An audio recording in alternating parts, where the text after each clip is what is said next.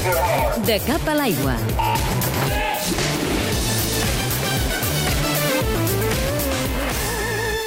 Ara fa dos anys, al Mundial de Natació que es va fer a Dubai en piscina curta, l'Èrica Villaecija va guanyar la medalla d'or a la prova dels 800 metres lliures. El mes que ve, aquesta nedadora catalana tornarà a disputar aquesta prova a Istanbul, que és la seu del Mundial d'aquest any. La última setmana de novembre i a la segona de desembre tenim el Campionat d'Espanya, Campionat del Món en piscina curta, que seran les dues competicions més importants que tenim ara per final d'any i a mi personalment el Mundial em fa especial il·lusió perquè l'última edició va ser a Dubai, vaig guanyar i jo crec que és una il·lusió més i es prepara de millor manera.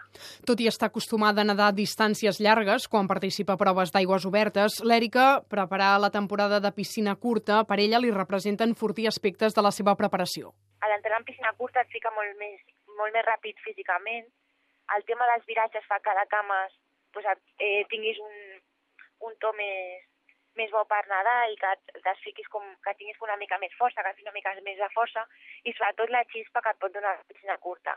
Jo crec que al final és una manera de trencar una mica la temporada, tindre una competició a nivell mundial important i que la puguis preparar pues, amb una exigència diferent dintre de lo important.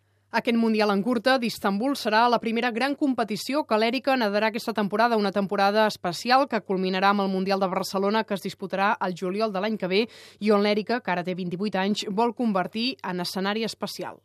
M'equivocaria si no optés al, al Mundial de Barcelona a fer els meus màxims els meus màxims resultats i tot el que pugui. Llavors, l'entrenament anirà encarat a això i aconseguir el millor de mi.